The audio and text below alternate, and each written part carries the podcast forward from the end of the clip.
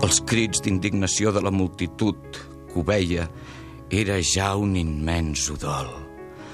Al portal de l'església dels jesuïtes ja vam trobar força gens que ens esperaven.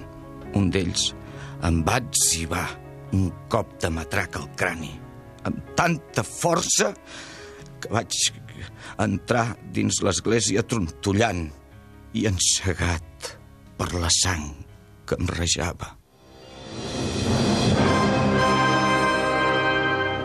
Catalunya Ràdio presenta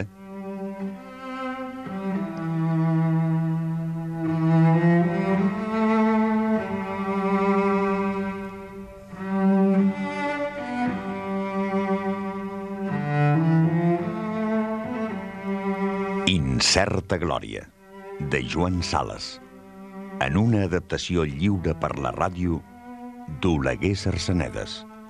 Muntatge Ramon Albero.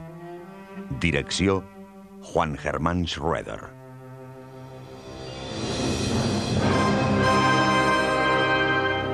Incerta Glòria, de Joan Sales. Una producció de Catalunya Ràdio amb el suport del Departament de Cultura de la Generalitat de Catalunya. Oi que et preocupa el teu cos? Uh -huh. Oi que l'alimentes cada dia? doncs escolta, tu ets el teu cervell. I el teu cervell també l'has d'alimentar. I molt. Dóna-li el millor que hi ha. Allò que té més aliment. Els llibres. Tenen vitamina A, B, C, D, E, F, G, i així totes, fins a la X, la Y i la Z. Alimenta el teu cervell. Llegeix llibres. Catalunya. Endavant amb la cultura. Capítol 77. Genealogia.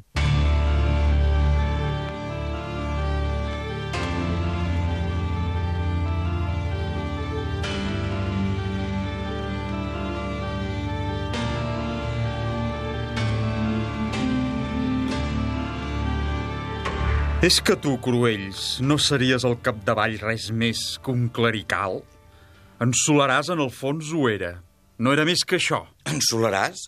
Ensolaràs un clerical? Doncs sí, res més que un clerical, en el fons. Es fotia descaradament dels nostres principis. Tenia cada cosa que et deixava de pedra. Ara em ve a la memòria una nit que tots dos havíem begut massa, cosa que ens passava sovint durant la batalla de l'Ebre. I ell em deia mil impertinències a propòsit de la pubilla Miranda, com de costum.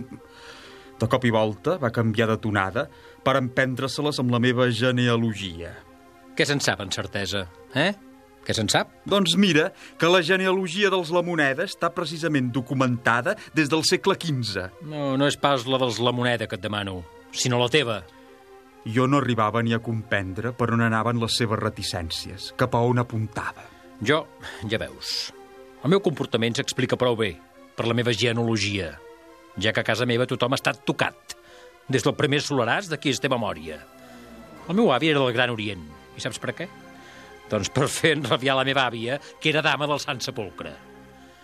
El meu comportament s'explica prou bé pels meus antecedents hereditaris, però... I el teu, eh?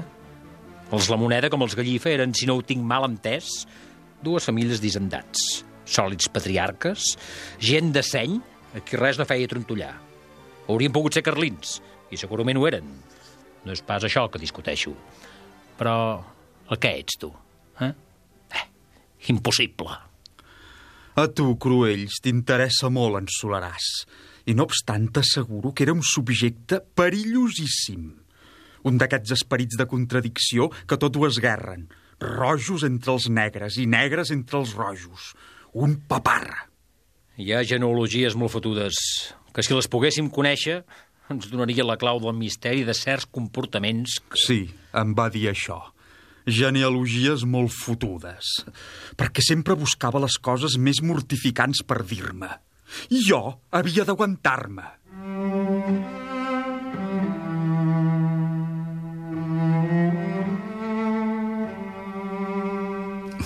Genealogies molt fotudes. I això que en Solaràs no sabia, perquè el mateix interessat encara no en tenia coneixement, que en la moneda, de fet, havia nascut poc abans del matrimoni de la seva mare, la germana del doctor Gallifa, amb l'hereu la moneda. El seu pare, un tal Gumersindo, extremeny de naixement i agent de policia de professió, sembla que havia fet la cort a la seva mare sense confessar-li que era casat i que va escapolir-se'n quan va veure que ella havia quedat anys. La història que el mateix la moneda m'havia explicat fil per randa havia quedat recollida en un plec de cartes esgrogueïdes que el masover de Can la Moneda havia trobat enrotllades dins un forat de la paret de les golfes. La descoberta va ser totalment fortuita i no s'hauria produït mai sense les obres incessants de reforma que el masover feia a la vella casa pairal dels La Moneda, de la qual s'havia apoderat durant la guerra en virtut d'un arrendament perpetu que, segons el tenor de l'escriptura, atorgada pel pare d'en La Moneda, incluïa no solament les terres, sinó la casa mateixa. La darrera vegada que en la moneda s'hi havia presentat a cobrar les 10.000 pessetes de l'arrendament, havia insultat l'home com solia fer sempre. No sou més que un lladre, que m'heu robat la casa i les terres. L'havia insultat amb aquestes o semblants paraules moltíssimes vegades, una cada any almenys, quan hi anava a cobrar d'ençà de l'acabament de la guerra. La cosa no era pas nova. El masover es limitava a ronçar-se d'espatlles. La novetat d'aquesta darrera vegada és que el masover li havia replicat i si fóssiu l'hereu la moneda tant com jo? I desafiant-lo amb la mirada, li havia ensenyat, sense donar-les-hi, aquell manyoc de cartes esgrogueïdes. Sí, aquelles cartes apassionades, datades del 1890 i del 1891, no deixaven cap dubte sobre l'origen d'aquell bebè que havia estat in illo tempore en la moneda. Però les indagacions posteriors del masover, a fi d'identificar l'heroi d'aquells amors llunyans, havien resultat inútils. Sembla que el tal Gumersindo no havia estat més que un de tants de la bòfia i era impossible saber-ne res més, fora que havia mort cap allà el 1925. Pel que fa a la seva mare, havia mort poc després de la seva naixença d'accident. Havia anat a buscar vi a un vespre al gran celler de baix. Caminant en la fosca, havia caigut dins un dels cubs, del qual aquell dia el mosso, per negligència, havia deixat oberta la trapa. Això era pel novembre. El cub era ple de most en fermentació. Va morir a l'acte, asfixiada pel gas carbònic. Aquests detalls de la mort de la seva mare els sabien la moneda pel seu pare. Era tot el que m'havia dit d'ella. Fora d'explicar-me com havia mort, mai no me'n parlava. No deixa de ser ben estrany que hagués hagut de ser ella en persona qui baixés a omplir la garrafa, havent-hi les criades. Molt estrany també que la trapa del cub estigués oberta. Quedava en peu un misteri, evidentment. Per què l'hereu la moneda s'hi havia casat? És que creia seu el bebè? Una altra explicació possible era la que hi donava el masover. L'hereu la moneda, cap al 1891, s'hauria trobat amb greus preocupacions econòmiques i el dot de la senyoreta Gallifa era en metàl·lic i importantíssim. El que ignora el masover és que un agent, anomenat en efecte Gumersindo i extremeny per més senyes, havia actuat amb els que componien la banda del baró de Koenig entre 1914 i 1918. El baró de Koenig, tèrbol personatge que en la moneda admirava fervorosament, baró d'impostura, que pertanyia al mateix temps a la policia secreta i als grups igualment secrets de terroristes que ell atiava contra els fabricants catalans en nom de la lluita de classes, amb la particularitat que només sucumbien sota les bales de les pistoles els qui treballaven pels aliats, mai els qui ho feien pel Reich alemany. Hi ha genealogies molt fotudes que si les poguéssim conèixer ens donaria les claus del misteri de certs comportaments que...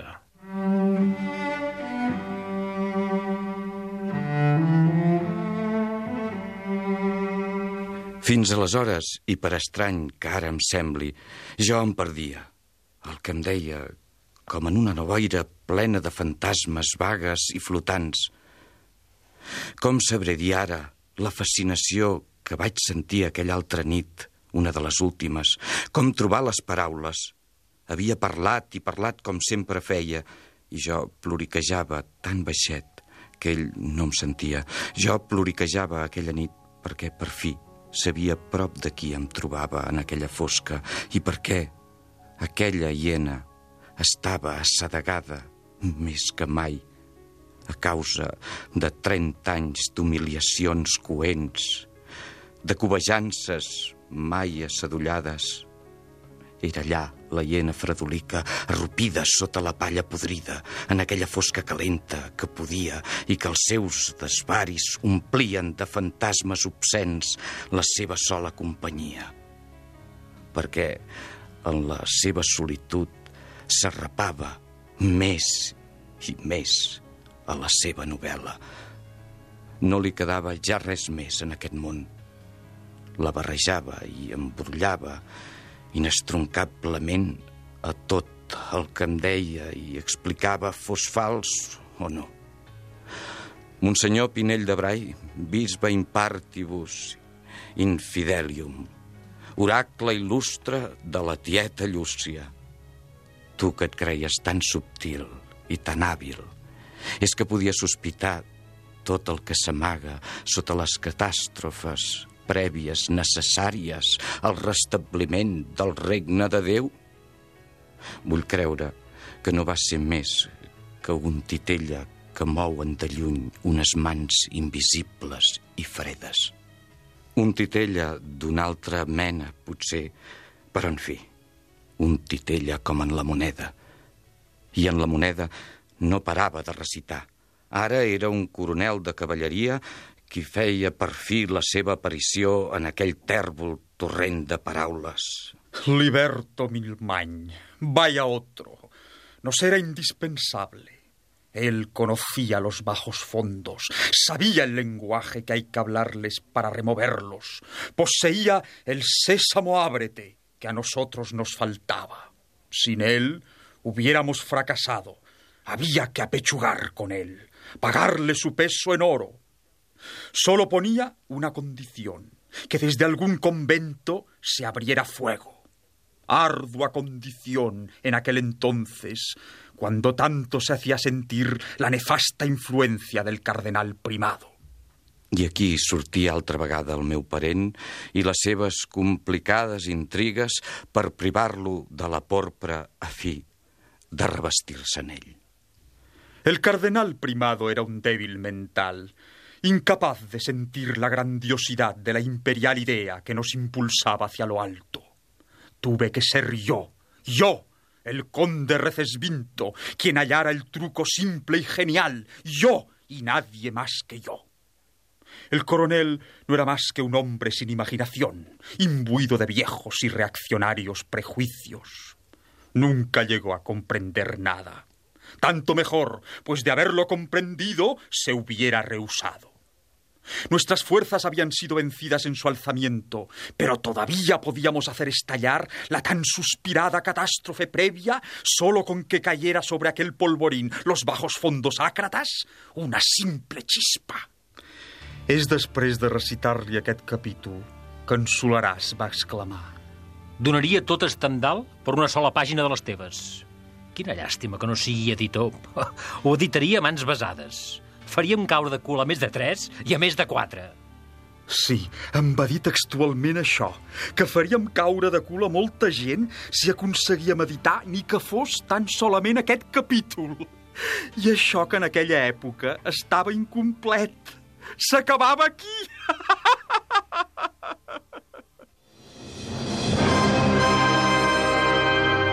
Heu escoltat el capítol 77 d'Incerta Glòria, de Joan Sales, amb les veus de... Cruells, Enric Major. La Moneda, Francesc Balcells. Solaràs, Enric Pous. Masover, Francesc Domènech. Incerta Glòria, de Joan Sales. Una producció de Catalunya Ràdio. Amb el suport del Departament de Cultura de la Generalitat de Catalunya. Oi que et preocupa el teu cos? Uh -huh. Oi que l'alimentes cada dia? doncs escolta, tu ets el teu cervell. I el teu cervell també l'has d'alimentar. I molt. Dóna-li el millor que hi ha. Allò que té més aliment. Els llibres. Tenen vitamina A, B, C, D, E, F, G, i així totes, fins a la X, la Y i la Z. Alimenta el teu cervell. Llegeix llibres. Catalunya. Endavant amb la cultura.